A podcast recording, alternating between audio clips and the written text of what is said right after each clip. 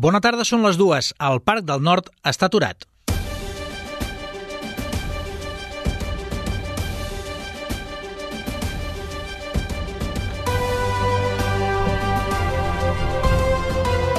Notícies migdia.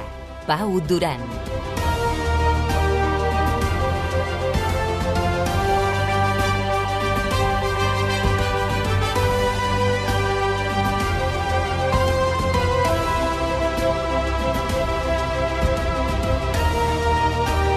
Encara que les intervencions de jardineria continuïn endavant, les urbanístiques han quedat aturades després de l'estiu perquè l'empresa responsable ha deixat el projecte per l'augment dels costos.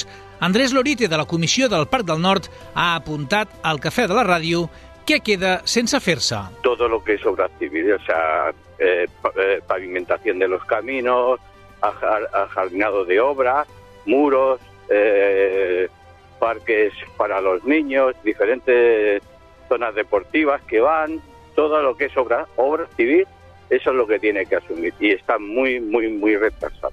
Des de la Comissió del Parc del Nord temen que amb aquesta nova aturada no es compleixin els terminis del projecte, que preveia acabar la urbanització a finals d'aquest any. Repassarem altres vies urbanes i interurbanes que estan sobre la taula i sabrem com va anar el Carnaval a Sabadell. També què està passant amb la vaga dels lletrats a jutjats de la ciutat. De tot plegat en parlarem durant els pròxims 15 minuts amb el Toni González de les vies de so. Notícies migdia. La informació en 15 minuts.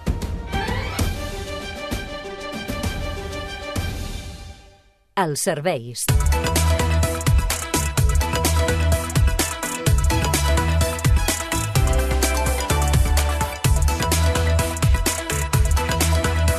Ara volem saber com està funcionant la xarxa pública de transports. Anem fins al Transmet. Albert Garran, bona tarda. Què tal? Bona tarda. Doncs, tot i que hem començat el dilluns destacant afectacions a la línia R2 Sud de Rodalies, aproximadament a mig matí s'ha recuperat i normalitzat el servei en la seva totalitat, tot i que durant bona part de la jornada, com dèiem, han arribat a acumular-se demores de més de 30 minuts en alguns casos. Així que, en aquests moments, podem parlar de normalitat a la xarxa de transport públic on no destaquem alteracions significatives. Això és tot des del Transmet. Bona tarda.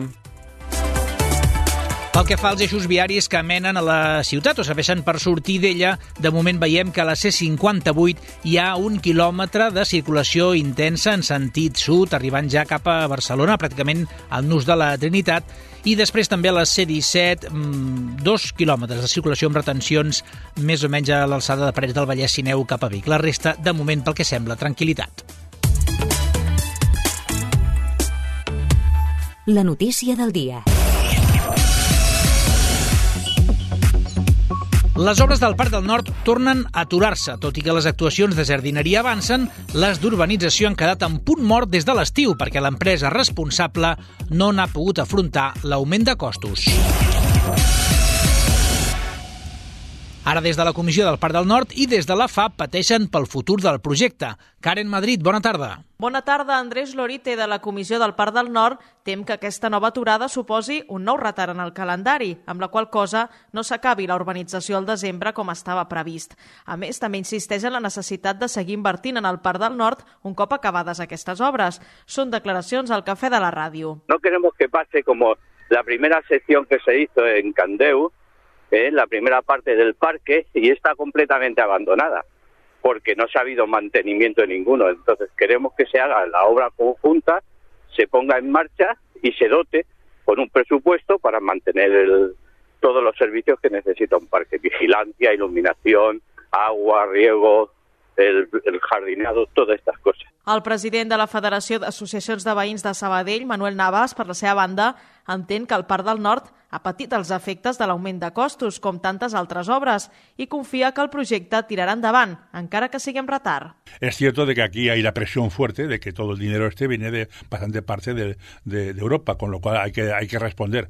Yo creo que por las impresiones y por la información que tenemos, aunque tampoco es demasiada, pero que el tema se va a lograr que, primero, que el dinero no se pierda de, de de, Europa y segundo que con unos retrasos de, dos o tres meses o cuatro meses las, las, obras finalizarán.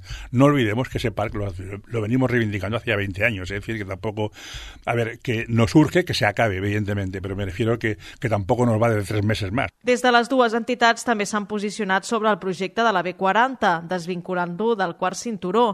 Tant des de la Comissió del Parc del Nord com des de la FAB apunten que la Ronda Nord no té res a veure amb el projecte plantejat fa 40 anys i defensen que serà positiu mentre no suposi aixecar el bosc de Candeu. I les obres del carrer Mauritani a l'entorn de l'escola Pau Casal segueixen avançant a bon ritme. Hores d'ara s'estan fent els moviments de terres que permetran configurar aquest nou espai. Després s'ubicaran els murs i paviments, les instal·lacions d'enllumenat i rec i finalment s'hi col·locaran els jocs i mobiliari urbà i es plantarà l'arbrat. Helena Morís, bona tarda. Bona tarda. Més concretament, s'hi està construint una nova zona de jocs infantils que es dividirà en dos nivells. A la part superior s'hi trobaran els jocs de trepa i de fusta juntament amb una zona d'arbrat.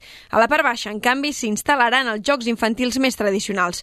La regidora d'Urbanisme, Mar Molina, apunta que d'aquí poc els veïns ja podran gaudir d'aquest nou espai. En aquest cas parlem d'una zona de jocs infantils que arriba després de finalitzar el nou camí escolar de, de l'escola Pau Casals i que era una actuació molt demandada tant pel veïnat com per la comunitat educativa.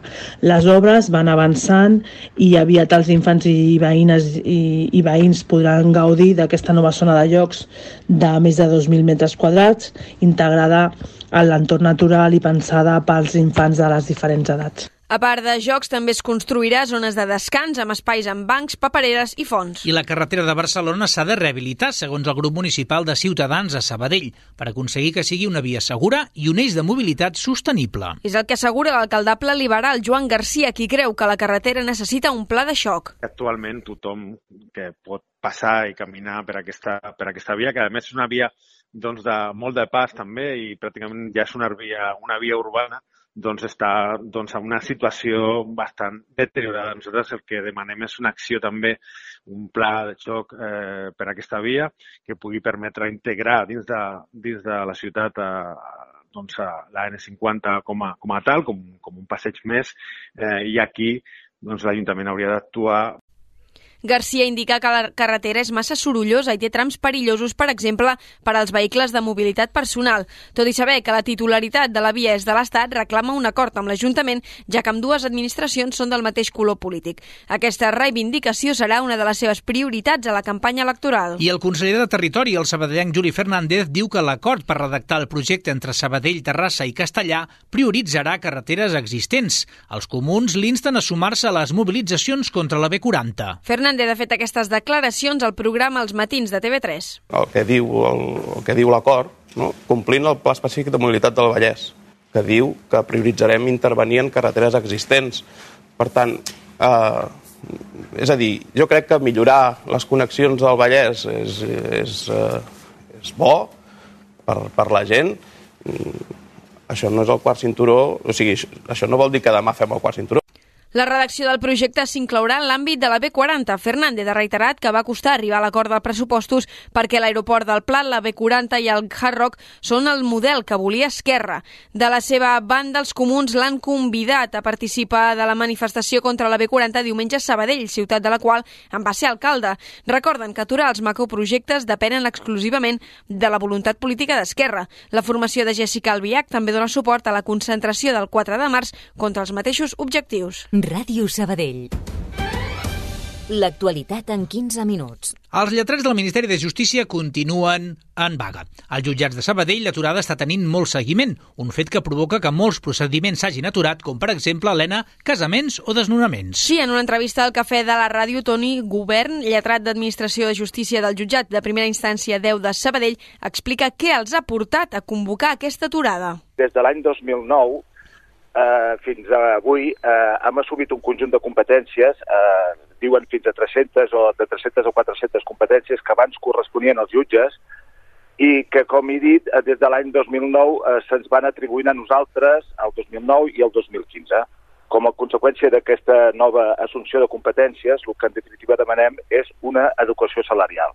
I també es, es demana una pròpia negociació col·lectiva perquè ens representen els sindicats que són els que representen els cossos de funcionaris que estan per sota nostre i, per tant, hi ha un conflicte d'interessos i mai ens poden representar. Els lletrats i el Ministeri van tenir una reunió per desencallar aquesta situació la setmana passada, una trobada que, segons els lletrats, no va servir per res. El Ministeri diu que ha complert, que això no és cert. És cert que ens van pujar 200 euros bruts, eh, però nosaltres eh, creiem que tot això és totalment insuficient amb totes les funcions que es van eh, donar que abans corresponien al jutge i, a més a més, eh, després d'aquests 200 euros bruts que ens van pujar, a l'abril del 2022 van acordar que eh, aprovarien un enganxe respecte dels eh, sous dels jutges en el sentit de que cobraríem el 85% de lo que cobren els jutges. Nosaltres això és el que demanen les associacions, que estem disposats a negociar-ho, és a dir, que nosaltres podem eh, rebaixar les nostres pretensions. El que passa que el Ministeri està totalment tancat en banda i l'altre dia, quan es van reunir, van estar 15 hores sense dir res. Els jutjats de Sabadell 17 dels 23 lletrats estan fent vaga aquests dies. Segons govern, un cop finalitzi la vaga, costarà molt recuperar el ritme judicial a les instal·lacions. Notícies migdia de dilluns a divendres a partir de les dues. Junts per Sabadell ha donat a conèixer els cinc primers noms de la llista electoral de cara als comicis del mes de maig. Lluís Mates anirà acompanyat de Càtia Botta, Quim Carné, Clara Camps i Oriol Paià. L'únic que repeteix respecte a aquest últim mandat és Quim Carné, qui ha volgut destacar el seu vincle amb la cultura, una relació que diu seguirà treballant. Des del meu punt de vista, evidentment, sempre he treballat i sempre he dit que treballaria per la cultura. Em sembla que un país ha de tenir una cultura i ha de saber d'on ve per poder fer-se lliures. Treballarem per la independència del nostre país, treballarem per la nostra llengua, que anem on anem a la nostra ciutat puguem ser adreçats en català i, se, i ens atenguin en català, sobretot a l'administració pública i també treballarem doncs, perquè tots aquells ciutadans i ciutadanes de Sabadell també es puguin sentir lliures a l'hora de gestionar i fer i viure de la manera que vulguin viure, defensant els seus drets, siguin quins siguin les seves característiques. Per la seva banda, Clara Camps ha defensat la necessitat de reforçar la seguretat a la ciutat i Oriol Paià més està preocupat per la situació de l'habitatge a Sabadell.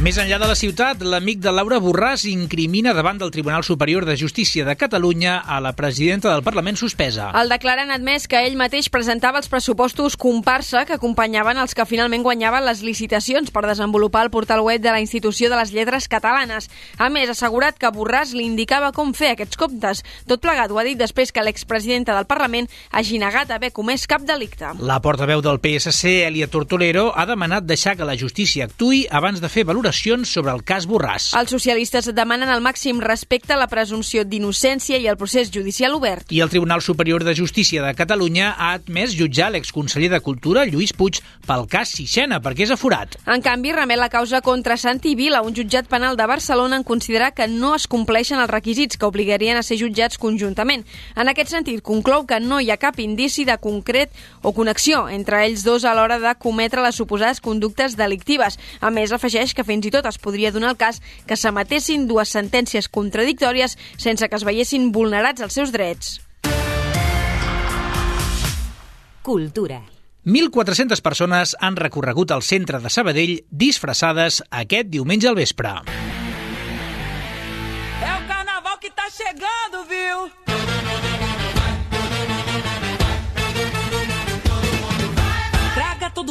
El principal premi d'aquest carnaval ha estat per Clarament Som Mussols per la banda de les comparses del Club Natació Sabadell. El premi a la millor carrossa se l'ha endut la botiga dels horrors de Gris Dents, Griselada Estudillo. Una de la colla ha explicat d'on va sortir la idea. Som una escola de teatre musical i cada vegada fem coses musicals on puguem cantar i puguem portar una temàtica doncs, concreta, no? Hem fet La Sirenita, hem fet Aladdin, i ara volíem un musical i vam decidir aquest. Una de les novetats d'enguany ha sigut que l'organització ha obert un tercer premi en la categoria de comparses.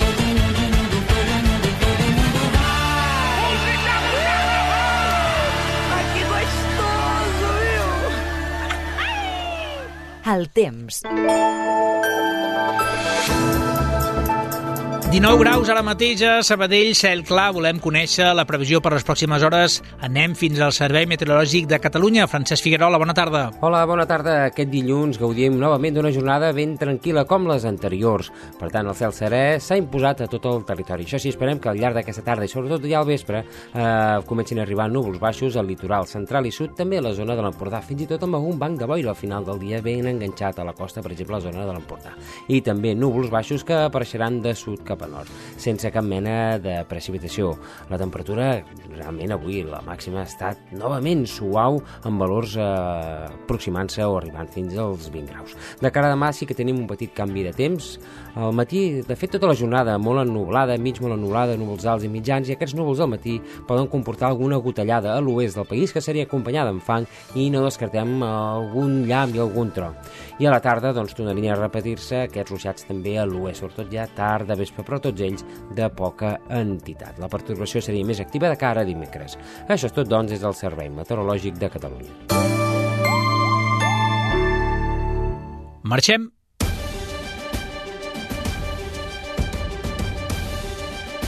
Podeu continuar informats al portal de continguts de l'emissora i a les nostres xarxes socials. Ens hi tornem a posar els butlletins informatius a partir de les 4 i a les 7 del vespre amb el Notícies Vespre de la Karen Madrid. Fins llavors!